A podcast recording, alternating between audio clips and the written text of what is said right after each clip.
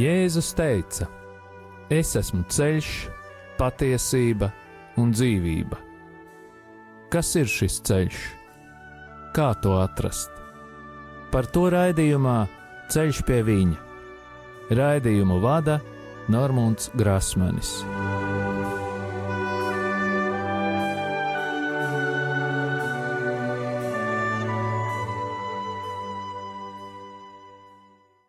Lai ir slavēts Jēzus Kristus. Atkal ir piekdiena, un radio Marija ēterā izskan raidījums Ceļš pie viņa. Vēlos atgādināt, ka raidījuma e-pasta adrese ir ceļš pie viņa at gmail.com. Turpinu pateikties visiem klausītājiem, kuri atceras mani un pārējos radio Marija darbiniekus, brīvprātīgos un arī ziedotājus savās lūkšanās. Vēlos pateikties katram klausītājam, kurš ar savām lūkšanām un finansiālo ziedojumu atbalsta radio Mariju skanējumu ēterā. Lai Dievs jūs bagātīgi svētī, un arī katru atbalstītāju, un visus mūsu kopumā. Un tagad, kā jau ierasti, lūgsim aizsardzības lūgšanu par rādījumu arī darbiniekiem un brīvprātīgajiem, par katru klausītāju un mūsu ģimenes locekļiem. Jēzus Kristus vārdā mēs pārņemam autoritāti par savu ģimeni un sasaistām visus ļaunos spēkus un varas gaisā, telpā, zemē, ūdenī, pazemē, dabā un ugunī. Dievs, tu esi kungs pāri visam visumam, un mēs atdodam tev slavu un godu par tavu radību. Tavā vārdā, Kungs, Jēzu Kristu, mēs sasaistām visus demoniskos spēkus, kas ir nākuši pār mums un mūsu ģimenēm, un ieslēdzam mūs visus tavu dārgo asiņu aizsardzībā, kas mūsu dēļ tika izlietas pie krusta. Marija, mūsu māte, mēs lūdzam tavu aizsardzību un aizbildniecību pār mums un mūsu ģimenēm ar svēto Jēzus sirdi. Ietin mūsu savas mīlestības apmetnī un sakauj mūsu ienaidnieku. Svētais arcēnģeli Mihēlu un visi mūsu sargaņģeļi Nāciet aizsargāt mūs un mūsu ģimenes šajā cīņā pret visu ļauno, kas ir šajā pasaulē. Jēzus Kristus vārdā un caur viņa dārgajām asinīm mēs sasaistām visas ļaunuma varas un pavēlam tām atkāpties šajā brīdī no mums, mūsu mājām un mūsu zemes. Mēs pateicamies Tev, Kungs, Jēzu, jo tu esi taisnīgs un līdzjūtīgs Dievs. Āmen! Jēzus Kristus vārdā un viņa krusta un viņa izlieto asiņu spēkā mēs sasaistām jebkura ļaunuma varas spēku garus un pavēlam tiem, lai tie nebloķē mūsu lūgšanas. Mēs salaužam jebkurus lāstus, burvestības, kas ir vērsti pret mums, padarot tos tukšus un bezspēcīgus. Mēs salaužam jebkuru uzdevumu, kas ir dots jebkādiem gariem, kas vērsti pret mums, un sūtām viņus pie Jēzus, lai viņš dara ar tiem, ko vien vēlas. Kungs, mēs lūdzam, lai tu svētī mūsu ienaidniekus, sūtot savu svēto garu pār tiem, lai vadītu viņus uz grēku nožēlu un atgriešanos. Mēs pārcērtam jebkādas saites un saziņu ļauno garu pasaulē, kas ietekmē mūsu un mūsu lūgšanu. Mēs lūdzam Jēzus izlieto asiņu aizsardzību pār mums un mūsu ģimenēm. Paldies, Tev, Kungs, par Tavu aizsardzību un sūti pār mums savus eņģeļus, jo īpaši svēto erceņģeli Mihēlu, lai viņš mums palīdz šajā cīņā. Mēs lūdzam Tevi vadi mūsu, mūsu lūgšanās un izlaies pār mums ar savu svēto garu, tā spēku un žēlsirdību. Āmen! Šī vakara tēma - hipnoze. Sabiedrībā ar vien vairāk ir vērojama interese par hipnozi. Sevišķi ārsti, tādi kā stomatologi, arī psihologi, hipnozi izmanto kā papildus iedarbošanās veidu savā specialitātē. Ir vairākas teorijas, kas skaidro hipnozes vajadzību un to, kā tā funkcionē. Lielākā daļa ekspertu uzskata, ka hipnoze iedarbojas uz cilvēku, pamatojoties uz individu iedzimtību ar svešas ietekmes palīdzību. Taču ir daži cilvēki, kurus vieglāk ietekmēt nekā citus, un kaut kādā noteiktā momentā šis ietekmes uz cilvēku rezultāts kļūst par hipnozi. Kur, kad un kā tas notiek, to nezina neviens. Jēdziens hipnoze ir veidojies no grieķu vārda hipnos, kas grieķu mitoloģijā bija miega dievs. Tas nozīmē, ka cilvēks hipnozes laikā ir miegam līdzīgā stāvoklī. Daudz šo stāvokli neuzskata par atrašanos miegā, bet gan kā paaugstinātas apziņas stāvokli, tas ir kā superapziņas veids. Šādā stāvoklī hipnotizētājam ir gandrīz pilnīga kontrole pār hipnotizējamā gribu. Tas, kurš vismaz reizi hipnotizētāju ir redzējis publiski, būs pamanījis, ka ir cilvēki, kur ļoti ātri pieņem hipnotizētāja noteikumus. Viņi kustina ķermeņa daļas, krīt uz zemes, uzvedās kā dzīvnieki. Tomēr par publisko hipnozi es šodien nerunāšu. Izskatās, ka hipnoze, kas daudzus gadus tika vērtēta uz atļautā un aizliegtā robežas, šobrīd varētu tikt atzīta pilnībā. Hipnoze, kura tiek reklamēta kā hipnoterapija, vai alternatīvā medicīna kļūst populāra un šķietami nekaitīgs ārstniecības līdzeklis visu veidu vieglu saslimšanu ārstēšanā. Hipnotizētāji piedāvā savu palīdzību atkarīgajiem, varam runāt piemēram par smēķēšanu, nagu graušanu. Šo metodi izmanto arī saistībā ar bailēm un svara samazināšanu.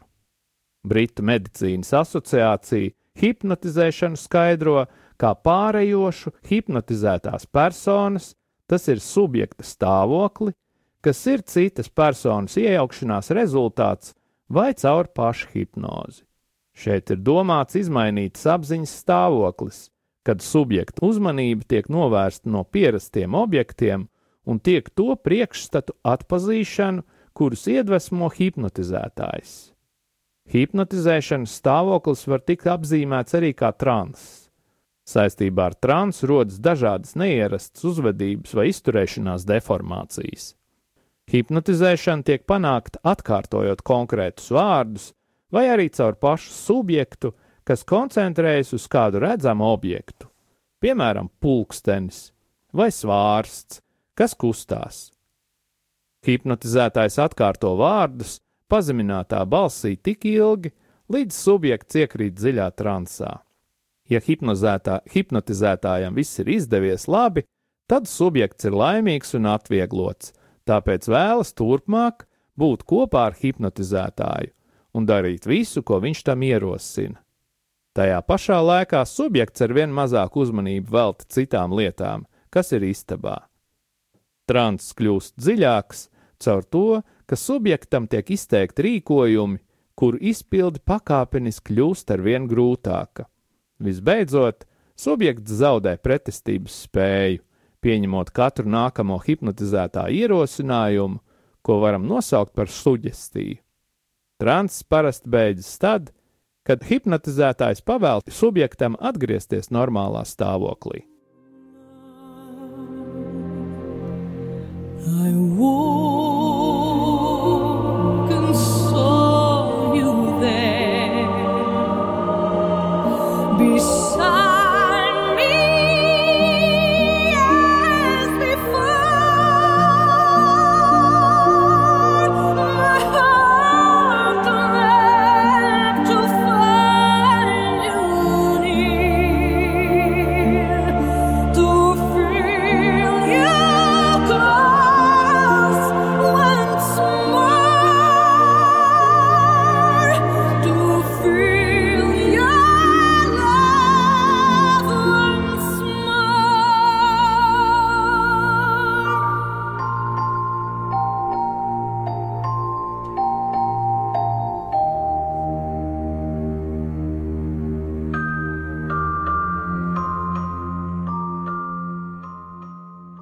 Kā tad hipnoze iedarbojas uz uzvedību? Subjekta darbības tiek ietekmētas vai pilnībā kontrolētas. Subjekts uzreiz pieņem hipnotizētāju iedvesmotās domas, un tas notiek arī zemapziņas līmenī. Tas ir iemesls, kāpēc šī metode dažreiz tiek izmantota zobārstniecībā. Pacients caur hipnozi nonāk tādā stāvoklī, kad viņš nejūt pilnīgi nekādas sāpes.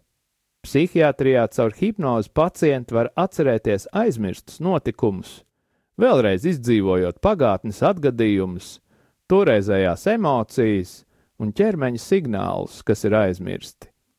Var notikt atmosfēras maiņa un emocionālas izmaiņas, tādējādi atmodinot un veicinot vajadzīgo rezultātu. Piemēram, nohipnotizēts smēķētājs augsti iespaidotā stāvoklī var pakļauties hipnotizētāja komandai vai vēlmei, akceptējot viņa ierosināto un pārtraucot smēķēt, un šis process viņam var palīdzēt šo ieradumu atmest. Bet kas tad patiesībā ir hipnoze? Kad hipnotizētājs iegremdē hipnotizējamo transā, viņš cenšas atrast pieeju tām cilvēciskajām personības īpatnībām, kas normālā veidā nav pieejamas. Turklāt hipnotizētāji atzīst faktu, ka cilvēka psihē ir kaut kas tāds, kas līdzīgs durvīm, kas aizsprosto pieeju nevēlamām ietekmēm. Cilvēka psihe ir tas filtrs, kas regulē ienākošās un izējošās ietekmes, izvērtējot, kas ir vēlams, kas palīdz un kas nē. Ja kaut kas nav izmantojams uzreiz, tas tiek saglabāts zemapziņā vai arī pilnībā izdzēsts. Tādējādi cilvēks tiek pasargāts no daudzām nevēlamām ietekmēm. Kad hipnotizētājs kādu personu ieved transfā, viņš likvidē šo dvēseles durvju mehānismu spēku un apiet psihiskās dabiskās spējas regulēt un šķirot ienākošās un izējošās ietekmes. Raksturīgi, ka hipnotizētājs reti savam subjektam liek kaut ko darīt. Kāpēc? Hipnotizētāji pēc pieredzes zina, ka ir neiespējami, ka subjekti akceptētu pavēles taču ļoti viegli viņi pieņem ierosinājumus, vai to varētu nosaukt par suģestiju. Tas pasvītro to faktu, ka hipnotizētājs iekļūst personā un darbojas tur tā, it kā vienmēr būtu daļa no tās. No tā mēs varam secināt, ka hipnozē pakļautā psihe ir psihe, kurā ielaužas cilvēks, ignorējot aizsardzības mehānismus. Citiem vārdiem sakot, nohipnotizēta cilvēka griba līdz kādai noteiktai pakāpei uz noteiktu laika periodu ir bojāta vai tā tiek paralizēta. Līdz kādai pakāpei hipnozes laikā griba tiek bojāta, un tas ir nopietns jautājums. Daži saka, ka mūsu darbības ir ietekmes rezultāts, ko mūsu dzīvē veicina citi. Un šeit tiek runāts par to, ka hipnoze esot pilnīgi normāls stāvoklis.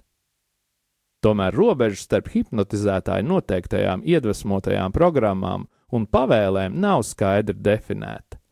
Taču, kā jau iepriekš noskaidrojām, cilvēkos ir iebūvēta pašaizsardzības sistēma pret nevēlamajām dvēseles ietekmēm.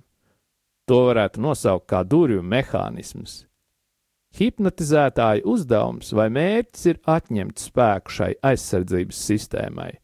Tādējādi hipnotizētāja pirmais uzdevums ir iegūt subjekta vai pacienta uzticību.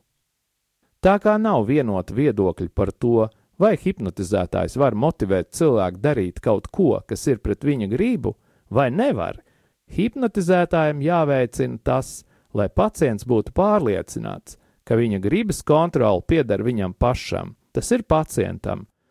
Pacients hipnotizētājiem spēs uzticēties vairāk, ja var būt drošs, ka viņa grība hipnozes laikā netiks nomākta.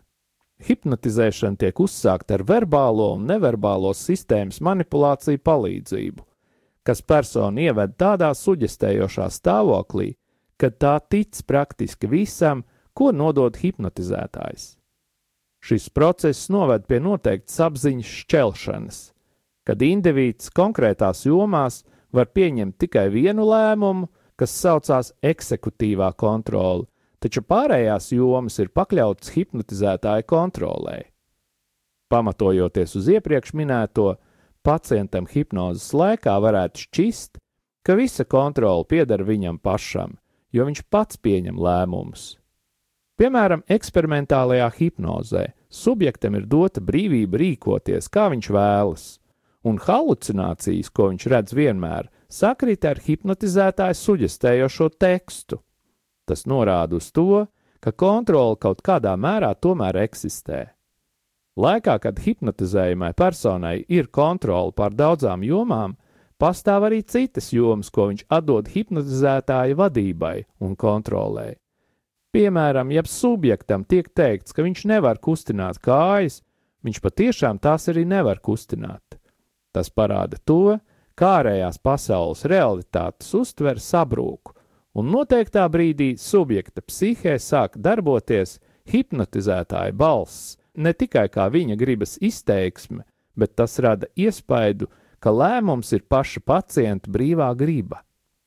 Hipnotizētājs to panāk tad, kad subjekts uztic viņam savu brīvo gribu, ko var definēt kā kontrolas funkciju. Šai funkcijai ir vitāli svarīga nozīme atbildīgu lēmumu pieņemšanā. Tā sāk darboties tajā brīdī, kad atmiņā tiek atsaukti pagātnes notikumi un salīdzināti ar šī brīža situāciju. Šī atgriešanās pagātnē ļauj iegūt informāciju, kas ietekmē mūsu lēmumus un tos kontrolē. Šie lēmumi saistās ar to, kā rīkoties tagadējā situācijā. Ja, piemēram, es savas rokas izplestu kā spārnus un skrietu uz rīņķi, un turklāt čiepstētu kā cālis, es izskatītos kā sajūtas prātā, tāpēc es to nedarīšu.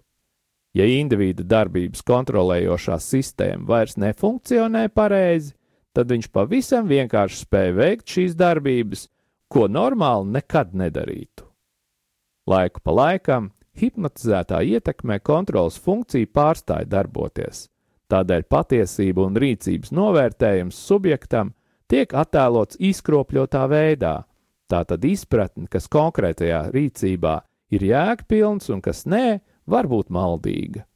Tas nozīmē, ka indivīds hipnotiskā transa laikā var vicināt savas rokas kā spārnus, ja hipnotizētājs liek būt putnam kad cilvēku traucē veikt savus, uz realitāti balstītus spriedumus, var rasties nopietni šķēršļi pieņemt atbildīgus lēmumus.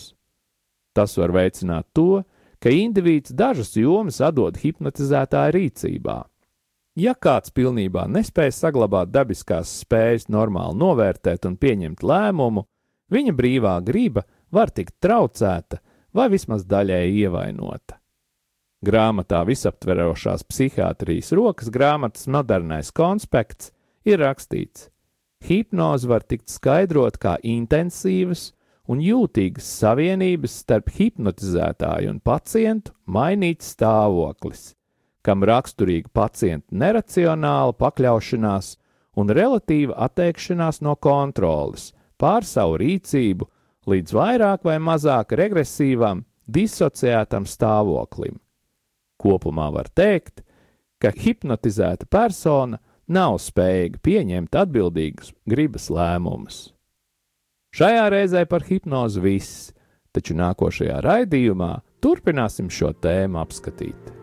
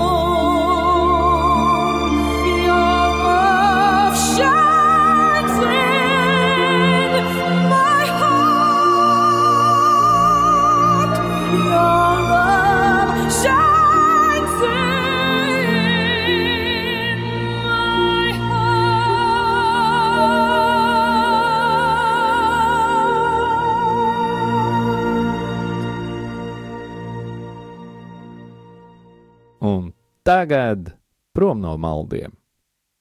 Šodien turpināsim pieskarties grēka jautājumam. Tomislavs Ivančičs savā grāmatā Tikšanās ar dzīvo dievu raksta: Grēks un vaina ir atrodama visur. Visi cilvēki bez izņēmuma ir pakļauti grēkam. Viņi jau ir piedzimuši grēcīgi un vainīgi.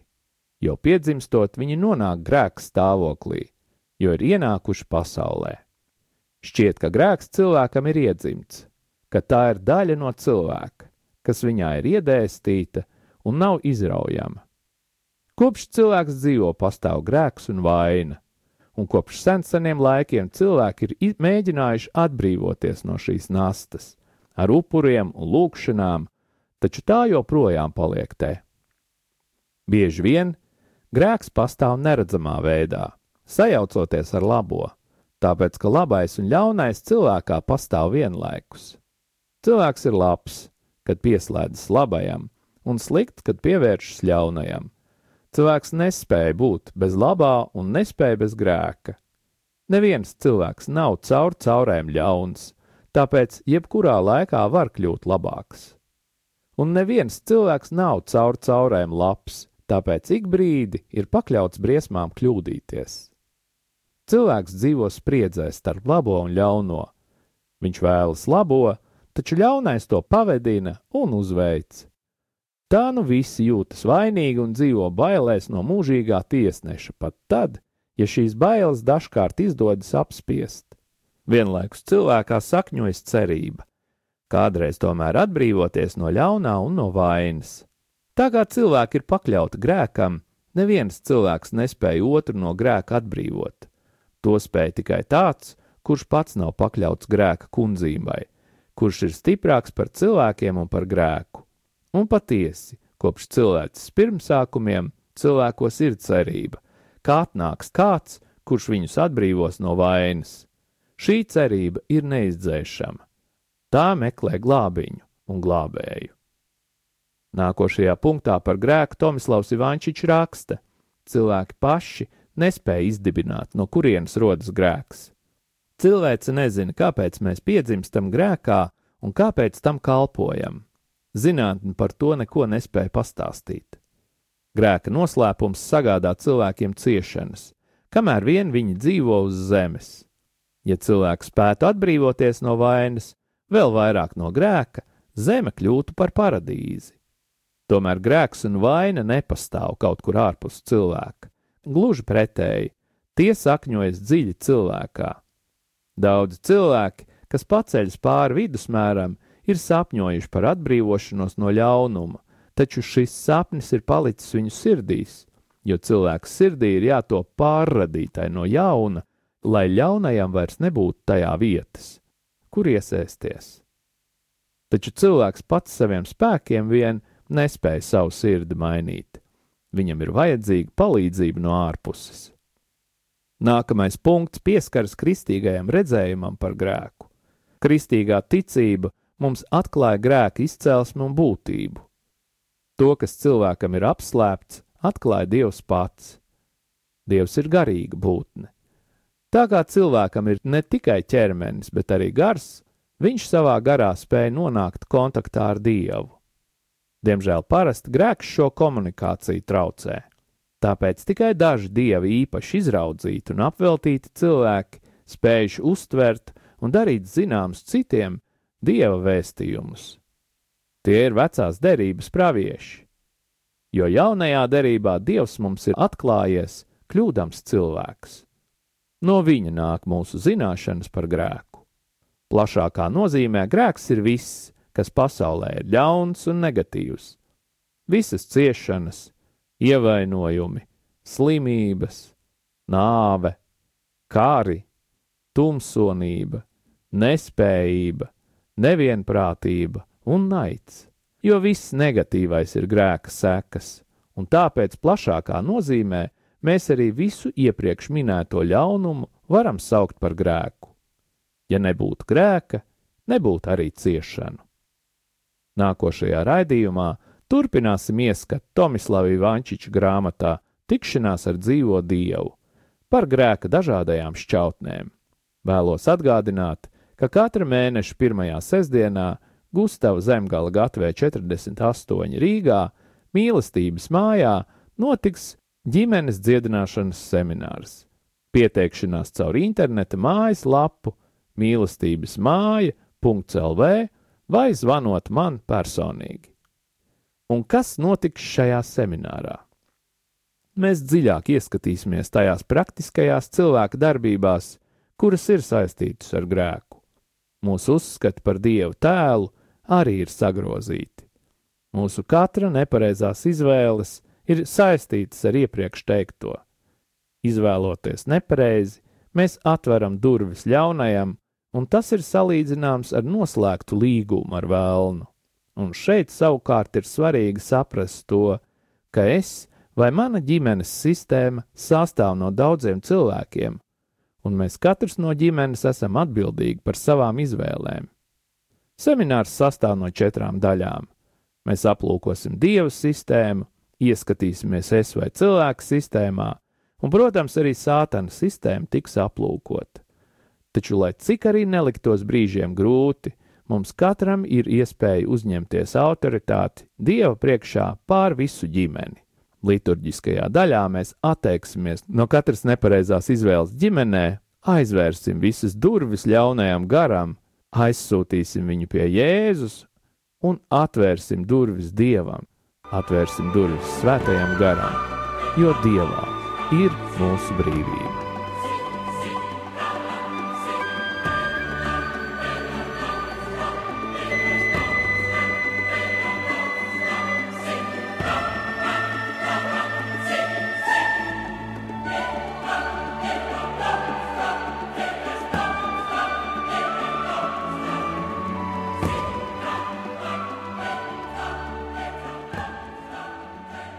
Un tagad mēs iestājamies lūgšanā pret sātanu sistēmu un tās darbībām mūsu ģimenēs.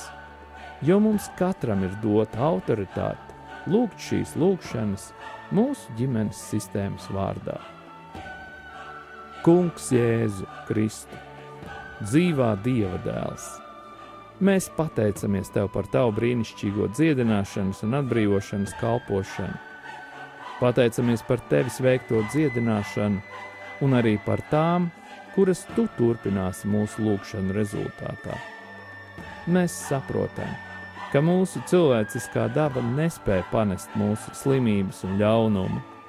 Tādēļ lūdzu, attīri un šķīstī mūs no jebkādām skumjām, negativitātes, izmisuma, kuru mēs iespējams esam uzņēmuši Ja mums ir bijis kārdinājums padoties dusmām, neiecietībai vai iekārai, attīri mūs no šiem kārdinājumiem un aizstāj tos ar mīlestību, prieku un mieru.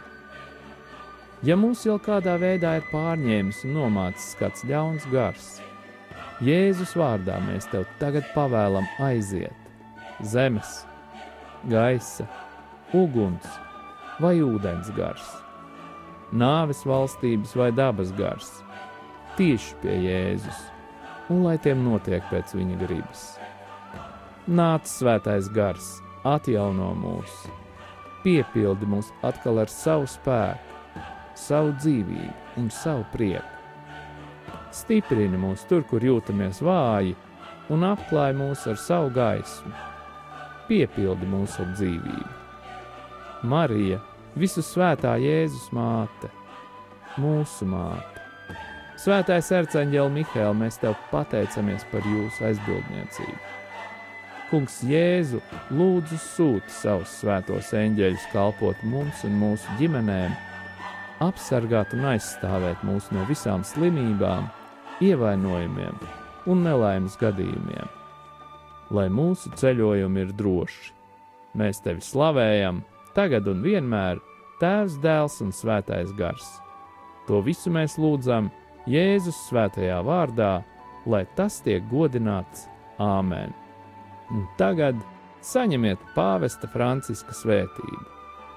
Kungs Jēzus Kristus, lai ir pār mums, lai mūs svētītu, lai ir pie mums, lai mūs pavadītu, un lai ir ar jums un mums, lai mūs aizsargātu lai mūs svētī Dievs Tēvs un Dēls un Svētais Gars, lai asins un ūdens, kas izplūda no Jēzus Kristus sirds, izplūst pār mums un lai šķīstī, atbrīvo un dziedina. Saņemiet svēto garu, Dieva Tēva un Dēla un Svētā gara vārdā Āmen!